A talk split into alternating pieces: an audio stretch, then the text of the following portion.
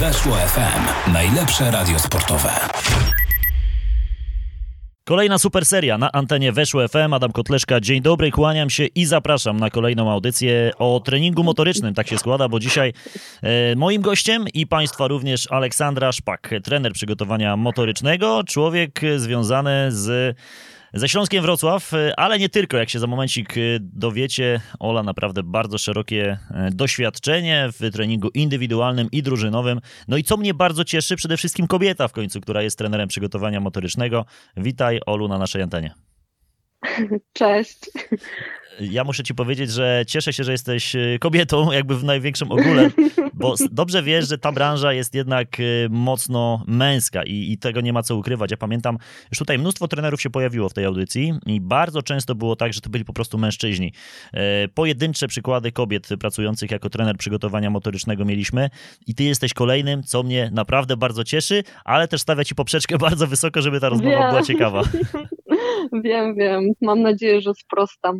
Olu, to jak mógłbym od ciebie poprosić e, taką pigułkę najpierw o tobie, jakbyś mogła nam się przedstawić naszym słuchaczom, jak w ogóle zaczęła się twoja przygoda z treningiem motorycznym, e, kiedy to się stało, czy wcześniej też miałaś jakiś kontakt ze sportem? Ja wiem, że miałaś, no ale jakbyś nam mogła opowiedzieć tę całą Jasne. swoją drogę sportową.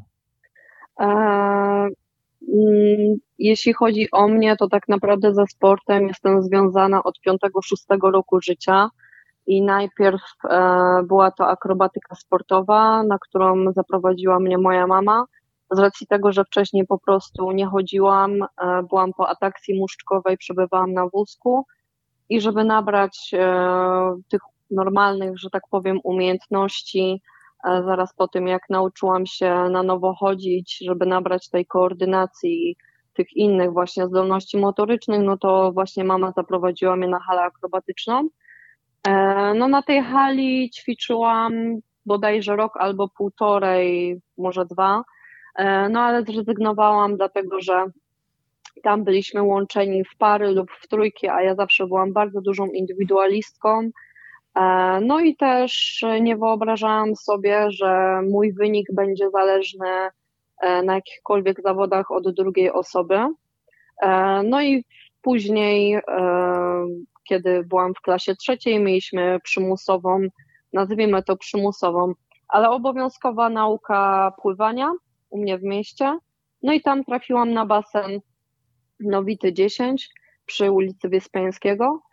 E, no i okazało się, a ja miałam wcześniej bardzo duży lęk przed wodą, dlatego że zostałam podtopiona no i tak jak mówię, u mnie też e, bardzo mama przeżywała tą moją wizytę na basenie i dziadkowie, bo e, bali się po prostu, że, że wpadnę tam w jakąś panikę i tak dalej, ale okazało się, że pod presją grupy świetnie sobie radzę. No i tam po dwóch czy trzech zajęciach zostałam poproszona, żeby mama przyprowadziła mnie na szkółkę pływacką. Później z tej szkółki pływackiej zostałam wytypowana do klasy pływackiej, no i tak zostałam w pływaniu, myślę, do 15-16 roku życia, gdzie później e, przyniosłam się na pięciobój nowoczesny. E, z racji mojej kontuzji, teraz bym do tego jakby inaczej podeszła, kiedy sama jestem trenerem, ale nazwijmy to, że z powodu kontuzji. E, no i w tym pięcioboju dość dobrze mi szło, e, jednakże z powodu może nieporozumień, nazwijmy to po prostu nieporozumień e, w grupie treningowej, to no, przestało mi pasować e, uczęszczanie na te treningi. Zaczęłam też treningi lekkoatletyczne, tam trenerzy też mnie widzieli w strzelectwie, bo ogólnie mam bardzo dobre warunki fizyczne może to nieskromnie zabrzmi, ale jak patrzę na swoje zdjęcia z młodości, e, no to te długie kończyny, bo mam i długie ręce, i długie nogi, e, to gdzieś tam naprawdę jako dziecko powiedzmy, że się wyróżniałam, też byłam bardzo szczupła, więc nie dziwię się wcale, że z kilku dyscyplin sportowych gdzieś tam, gdzieś tam byłam e, typowana przez trenerów. Taki mój ostatni kontakt jako zawodniczka ze sportem to miałam, myślę, w wieku 20-21 lat, e, jak już byłam na studiach i też już wtedy pracowałam jako trener, to wtedy akurat e, bodajże trener kajakarek albo wioślarek mnie wypatrzył na jakiejś siłowni i powiedział, podszedł do mnie i powiedział, że e, jeżeli zaczniemy dzisiaj trenować, to ja za rok będę tam mistrzynią Polski i pojadę tam i tam.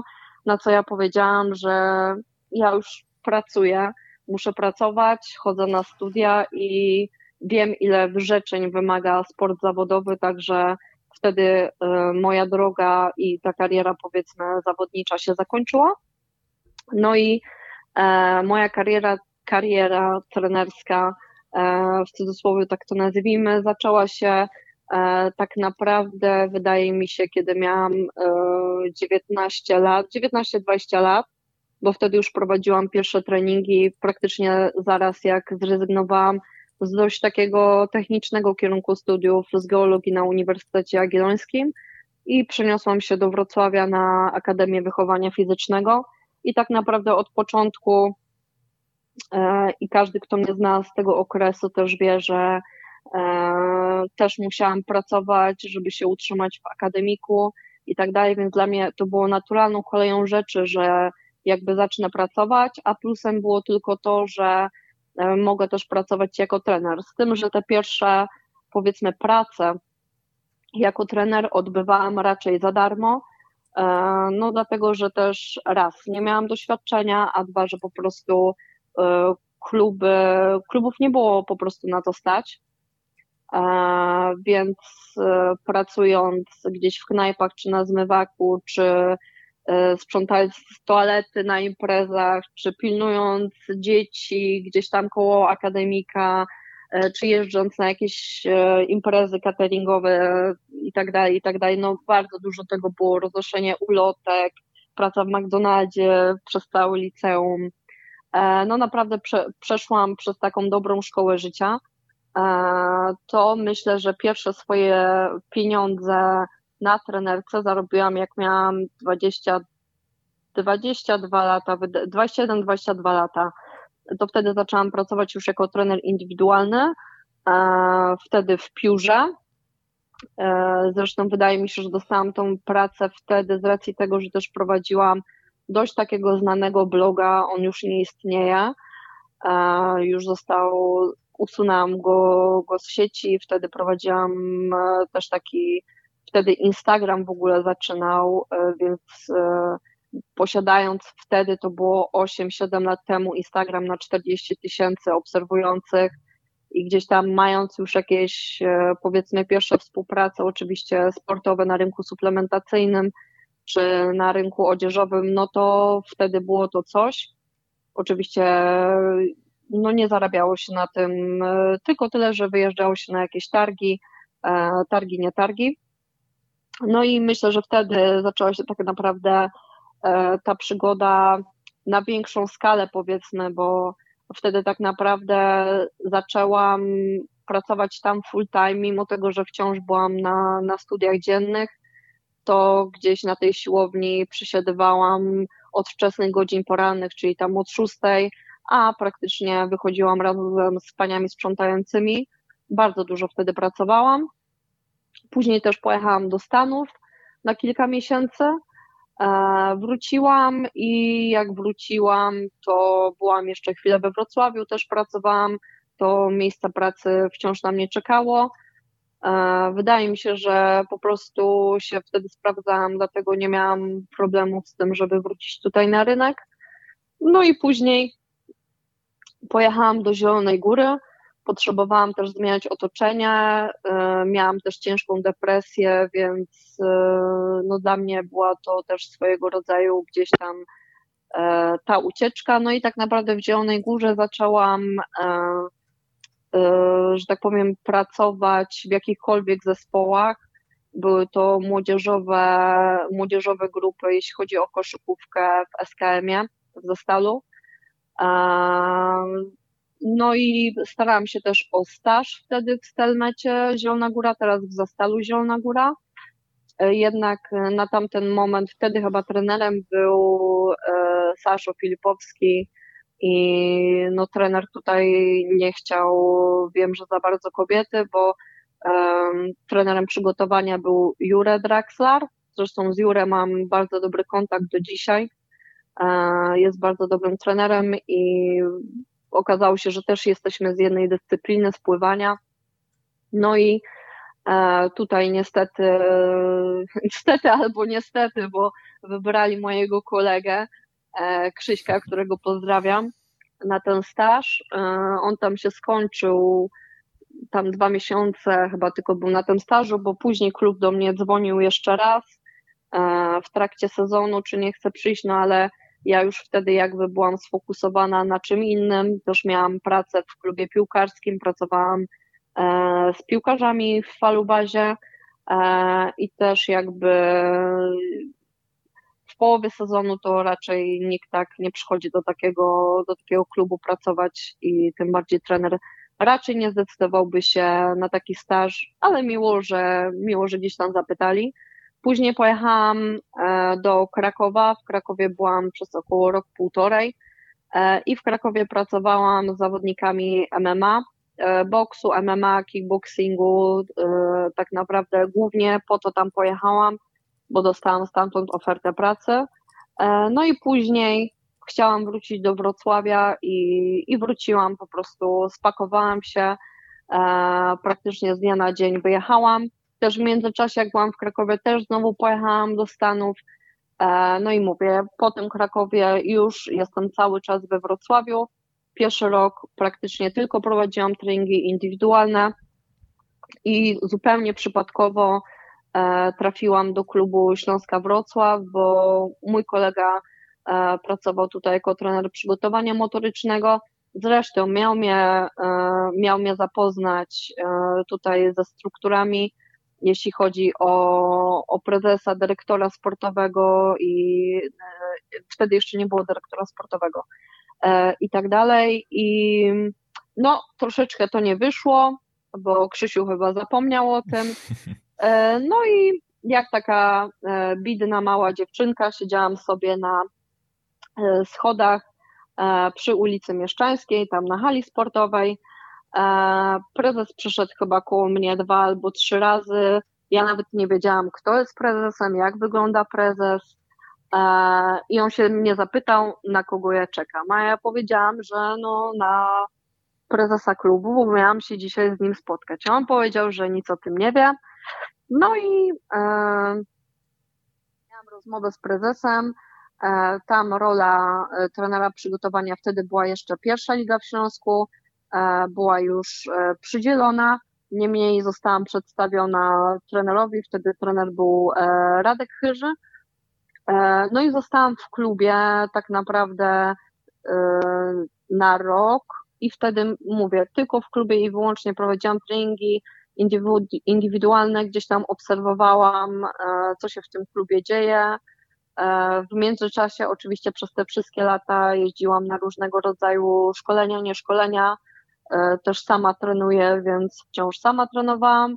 No i po roku czasu dostałam e, pracę w Górniku Wałbrzych i to był taki bardzo ciężki dla mnie rok, dlatego że miałam pracę i w Górniku Wałbrzych i w klubie Śląsk Wrocław tam pracowałam z młodzieżą, a w Górniku pracowałam z pierwszą ligą. No i e, dojazdy do Wałbrzycha, jak wracałam, z, tak naprawdę mój dzień zaczynał się o 5 rano. E, może wiele osób o tym nie wie. Szłam na swój trening, później jechałam do Wałbrzycha. Powrót z Wałbrzycha do Wrocławia, dosłownie może pół godziny, czasami godzina, dwie w domu i do wieczora już e, zostawałam na Mieszczańskiej tam miałam i treningi indywidualne i treningi drużynowe właśnie z grupami młodzieżowymi, z drugą, trzecią ligą. E, także tej pracy było naprawdę sporo. No i wtedy też w tym roku wybuchła, w tym sezonie, w tamtym sezonie wybuchła pandemia, więc e, nasz sezon z Wałbrzychem skończył się no dosłownie praktycznie przed playoffami a co było, no uważam, wtedy dużą szkodą, dlatego że e, jestem, pe- no może to zabrzmi niestosownie, ale e, byliśmy, uważam, na tyle wtedy mocną drużyną, że moim zdaniem zrobilibyśmy, zrobilibyśmy ten awans, bo ciężko byłoby mi określić, kto byłby w stanie nam wtedy zagrozić, no ale sport jest nieobliczalny, więc nigdy nic nie wiadomo. Ostatni rok, zaraz po Wałbrzychu, zostałam tylko już w Śląsku i tutaj w Śląsku mam pod sobą wszystkie grupy młodzieżowe. W tamtym roku pracowałam też przy Ekstraklasie. E, do tego miałam pierwszą ligę. I jakby z tej Ekstraklasy e, trochę, trochę sama już nie chciałam, znaczy nie, że nie chciałam w niej być. E, wyniknęły powiedzmy pewne niejasności czy nieścisłości i też trochę się odsunęłam od tego pierwszego zespołu i tamten sezon całkowicie postanowiłam poświęcić tej pierwszej lidze i tym grupom młodzieżowym. E, no i w tym roku to jest właśnie pierwsza liga, grupy młodzieżowe, e, plus e, w okresie off-seasonu, pre-seasonu też przygotowuję zawodników indywidualnie. Olu, jesteś świetnym rozmówcą, bo ja tylko zadaję jedno pytanie, a ty opowiadasz pół godziny. I bardzo dobrze, żebyś sobie to wzięła do serca. Tak należy w radiu. To jest e, okay. idealny, oda, idealny rozmówca. Ola, e, tyle ciekawych tematów nam tutaj przedstawiłaś, że mm, no, nie wiem, czy się wyrobimy w jedną audycję, ale jak ktoś to nagramy dwie, żaden problem. Wiesz co, jeżeli pozwolisz, wróćmy najpierw jeszcze do tych początków, bo ty powiedziałaś tutaj Jasne. o kilku, no jednak powiedziałbym mocnych historiach, nadmieniłaś, mhm. może nawet dramatycznych. To jest w ogóle szacun, że się z nich wszystkich wygrzebałaś. Natomiast, y, mm, no wiesz, jeżeli osoba zaczyna mm, jako małe dziecko jeszcze, jak mówisz, że musiałaś jeździć na wózku, a ty dzisiaj jesteś trenerem przygotowania motorycznego w wielkiej firmie, jaką jest Śląsk Wrocław, między innymi oczywiście, bo wiemy, że ta twoja mhm. droga była dal większa, no to wielki szacun. E, natomiast y, Dziękuję. o tej chorobie mogłabyś nam coś powiedzieć, jak to w ogóle, mm, z czego to wynika, jak długa była twoja droga do tego, do pełni sprawności i później właśnie, żeby też y, no, nawet być praktycznie, wiesz, no, uprawiać sport, nawet nie tylko tylko chodzi o pełnosprawność, ale w ogóle o uprawianie sportu? Myślę, że to pytanie należałoby skierować prędzej do mojej mamy, dlatego że wiem, że jak czasami gdzieś tam ten temat poruszałyśmy, to ja pewne rzeczy pamiętam inaczej, ona pewne rzeczy pamięta inaczej. Pamiętam, że zaczęło się to tylko w nocy, kiedy no jako małe dziecko, wiadomo, przychodzi się spać do rodziców i że wstałam w nocy za potrzebą fizjologiczną. I no jak wstawałam z tego łóżka, no to upadłam, no i nie chciałam wstać. No i po prostu rodzice myśleli wtedy, że no jak to małe dziecko, może chce, żeby ją zanieść, albo nie wiem, nie chce jej się iść, albo coś takiego. No ale okazało się, że, że faktycznie E, nie mogę wstać. No i pamiętam, że wtedy moja mama zawiozła mnie na pogotowie z tego, co, z tego, co mi opowiadała.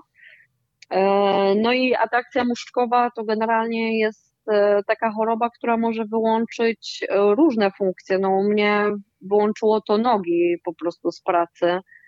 I myślę, że najbardziej przeżywali to moi bliscy, bo ja byłam no, można powiedzieć, niczego nieświadomym dzieckiem, bo jak sobie przypomnę, to mam jakieś e, migawki z tego okresu, jak e, pamiętam głównie moją babci i moją mamę, bo one też gdzieś tam pamiętam te spacery po korytarzu, gdzie, e, gdzie, że tak powiem, właśnie wracałam do pełni sprawności, ale to nie był znowu jakiś długi okres, że to trwało kilka lat czy, czy coś takiego.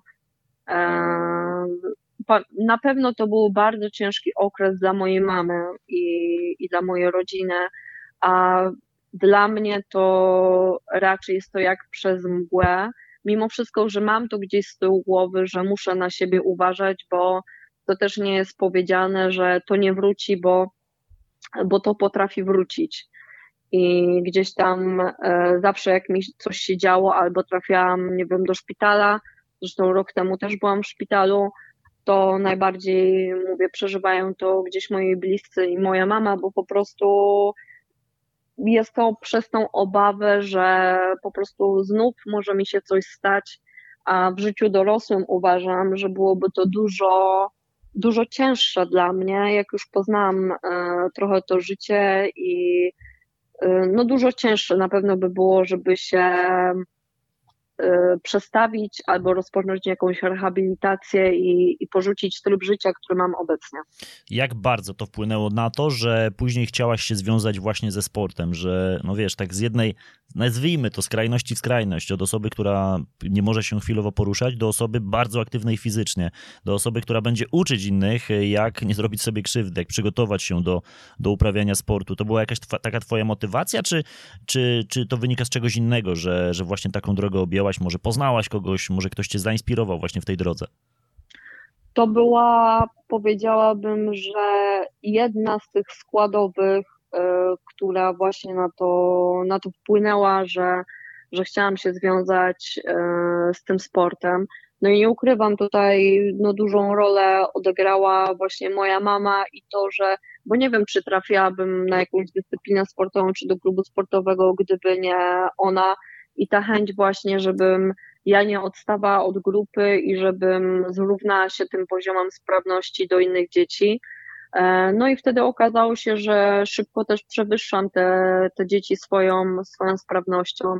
Ja też mam trochę taki charakter e, takiego i zawsze to miałam takiego robota treningowego i zawsze byłam takim tytanem pracy, że ja naprawdę byłam na każdym treningu i to, co trener mówił, to ja nigdy nie narzekałam i, i wszystko robiłam i byłam e, tak, nie potrzebowałam w ogóle żadnej motywacji do tego, czy żeby iść na trening, mimo tego, że na początku byłam osobą, która była bardzo słaba fizycznie, można by powiedzieć, że najsłabsza w mojej grupie treningowej.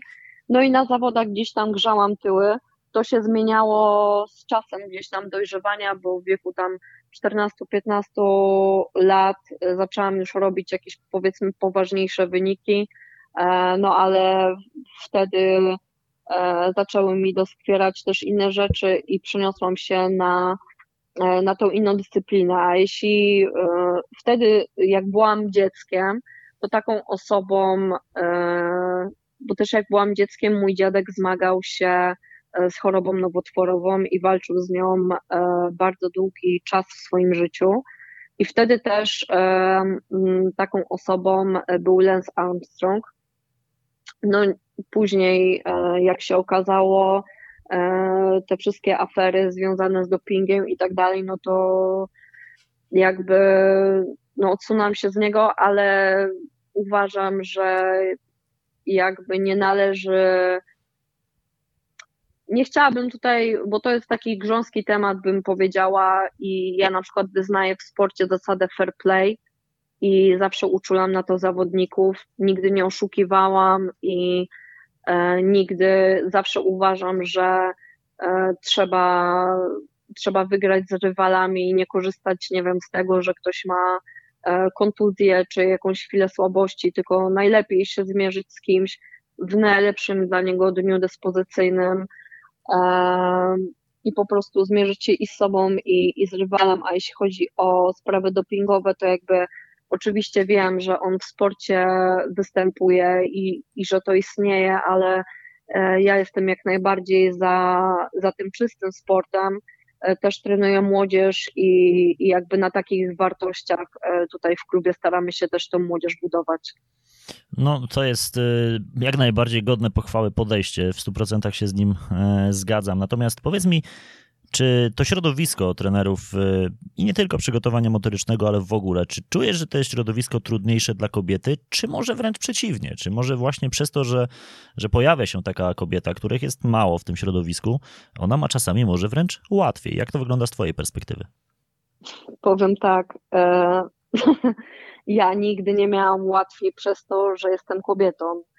E, musiałam zasuwać e, naprawdę 5-10 e, razy więcej niż moi koledzy po fachu, którzy czasami dostają coś od tak, że potrafi posadę trenera objąć ktoś bez doświadczenia, ale nie wiem, bo fajnie wygląda, ma 22-23 lata, nie ma jeszcze nawet żadnych studiów skończonych, nie ma żadnego doświadczenia, a mimo tego i klub e, potrafi chcieć zatrudnić taką osobę, dlatego że raz jest tańsza, dwa e, no, jest tańsza przez to, że też nie ma doświadczenia, tak?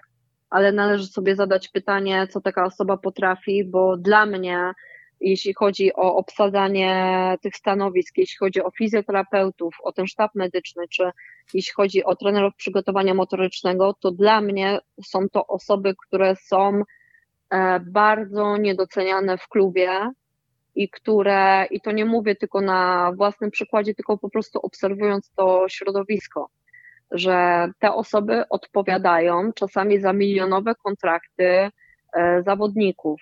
I naprawdę opłaca się wydać więcej pieniędzy na dobrego specjalistę, na osobę, która się angażuje i na osobę, która jest pracowita e, i ma doświadczenie, albo nie wiem, ma duże chęci do zdobywania tego doświadczenia e, i trochę, trochę więcej jej zapłaci niż takiemu studentowi, żeby po prostu nasz zawodnik nie odnosił kontuzji, bo wiadomo, jeśli chodzi o sport zawodowy, to tutaj są pieniądze, to jest biznes.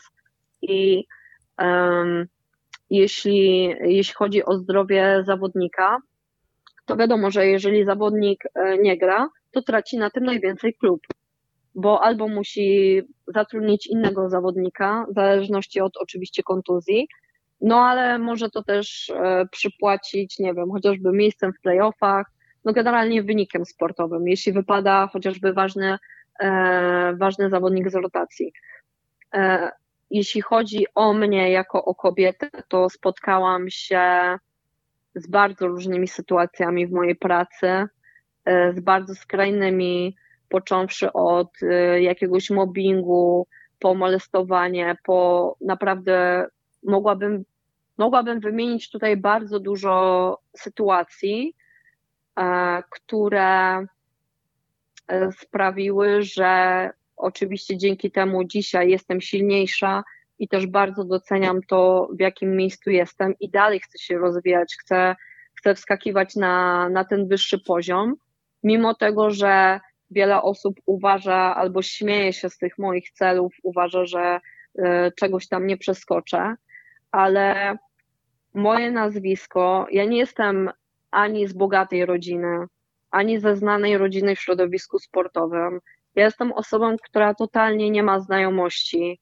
I jeżeli ktoś mnie teraz zna, to przez to, że ja dałam się poznać e, przez moją pracę, którą gdzieś tam dokumentuję sobie, czy w social mediach, czy po prostu poznając e, ludzi na, na meczach, na jakichś takich eventach sportowych, E, i tak dalej, czy chociażby przez e, właśnie te media społecznościowe, ale ja jestem osobą, która miała 5% możliwości, że jej się uda. I jak na razie uważam, że wyciągnęłam ponad 100%, tak jak mi ktoś powiedział, który mnie zatrudniał, że dziewczyno miałaś 5%, że może coś ci się uda, a chcesz wyciągnąć z tego stówę. I to może ci się udać. A ja uważam, że w tym momencie wyciągnęłam ponad tą stówę, bo robię coś, co z wielu rzeczy, czy z wielu właśnie różnych sytuacji, że ja nie wiem, chciałam coś osiągnąć w sporcie. Wiele ludzi się ze mnie śmiało i powtarzało mi, że no, ja nic nie osiągnę, przecież nie masz żadnych znajomości, nie jesteś nikim znanym, e, nigdzie, że tak powiem, przysłowiowo się nie wkręcisz. No ale z, z, powiedzmy, że z takiej osoby, która jeszcze jakiś czas temu siedziała na tych schodach e, w Mieszczańskiej i nie wiedziała, jak nawet wygląda prezes klubu, e, tak teraz no, pracuję w tym klubie. E, I jestem dumna, że, że pracuję w tym klubie. I wiadomo, że, że, że chciałabym iść dalej, ale uważam, że jakby ten stereotyp kobiet. Jest bardzo dużo zarzutów, że no ale e, jak to tak, żeby w szatni była kobieta.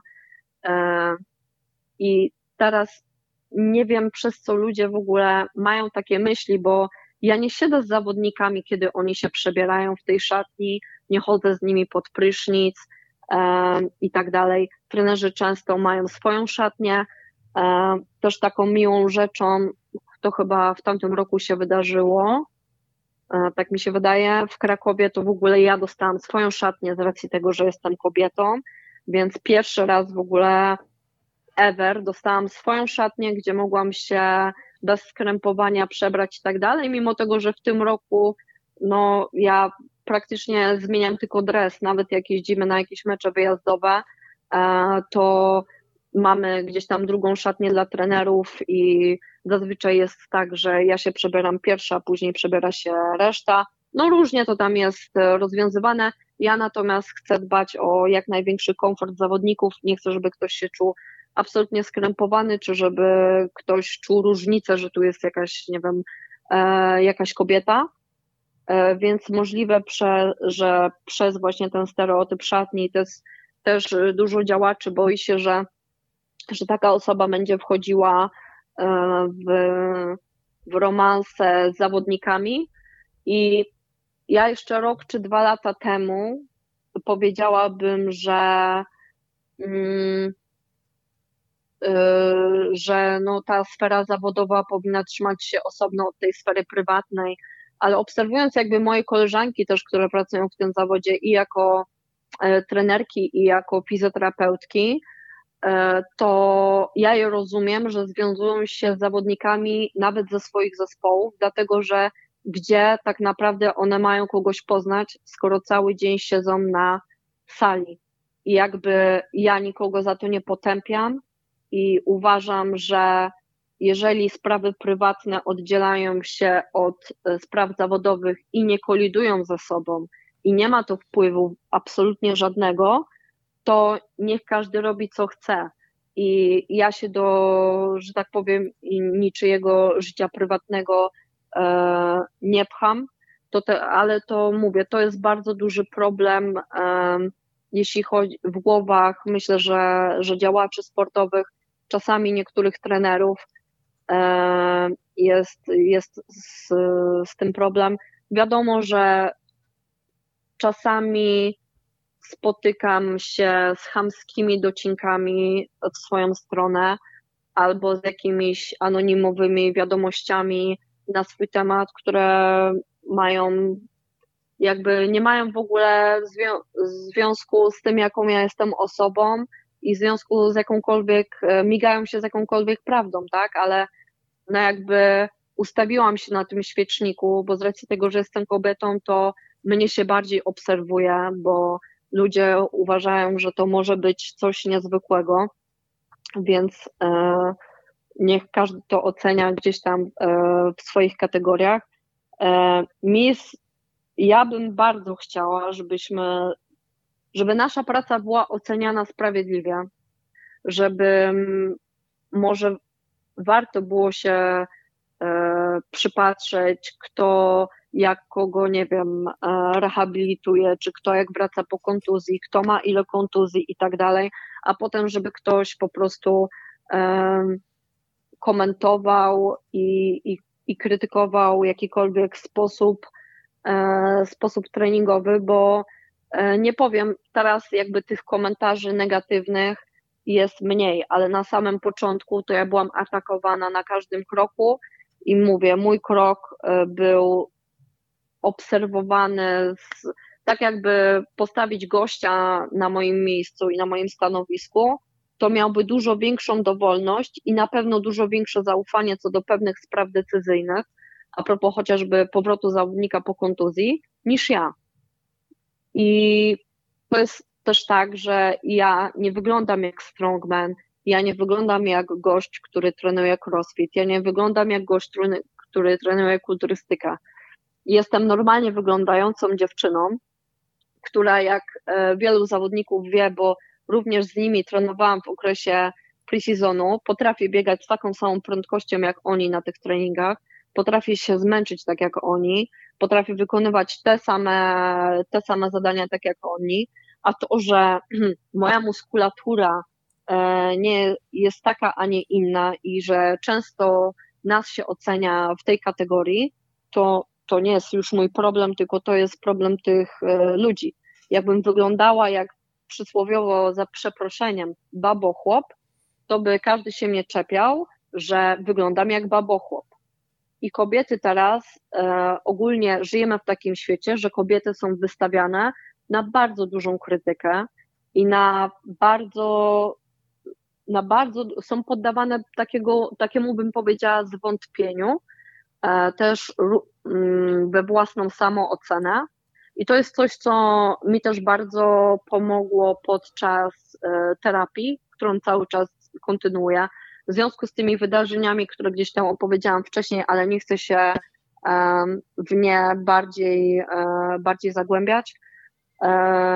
I myślę, że to tak naprawdę, że my jako kobiety jesteśmy teraz e, bardzo poddawane tej ocenie, też przez te właśnie social media, to jak wyglądamy, e, to nie wiem, jak zmienia się nasza sylwetka, e, chociażby to, że do mnie z racji tego, że w tym roku będę miała już 32 lata, no to na mnie niektórzy próbują wywrzeć presję, no ale jak z tym trybem zawodowym i jak z tym trybem życia zamierzasz mieć dziecko? Mhm. Ale nikt y, tak naprawdę no, nie zada, a może ja nie chcę tego dziecka, tak? A może nie wiem, ja nie potrzebuję być y, w związku małżeńskim. No po prostu chodzi mi raczej o te stereotypy, że one są cały czas i one dotykają mnie ze strony mężczyzn, bo ze strony kobiet y, nie, co jest całkowicie jasne, bo tutaj jak, jeżeli mam jakiekolwiek koleżanki w środowisku, to my rozmawiamy razem, staramy się trzymać razem przynajmniej. Y, ja staram się podchodzić do wszystkich z życzliwą e, ręką, ponieważ e, no, uważam, że praca, e, zwłaszcza w męskim sporcie, nie należy do najłatwiejszych, ale jest bardzo fajna. Na drugą część rozmowy z Aleksandrą Szpak zapraszamy za tydzień na antenę Weszło FM do Super Serii. Będzie ciekawie, jak zresztą sami słyszycie, będzie bardzo ciekawie, bo Ola e, porusza ważne kwestie, ale też myślę, że przede wszystkim dla was interesujące kwestie, więc e, już za tydzień kolejna część tej rozmowy. Weszło FM. Najlepsze radio sportowe.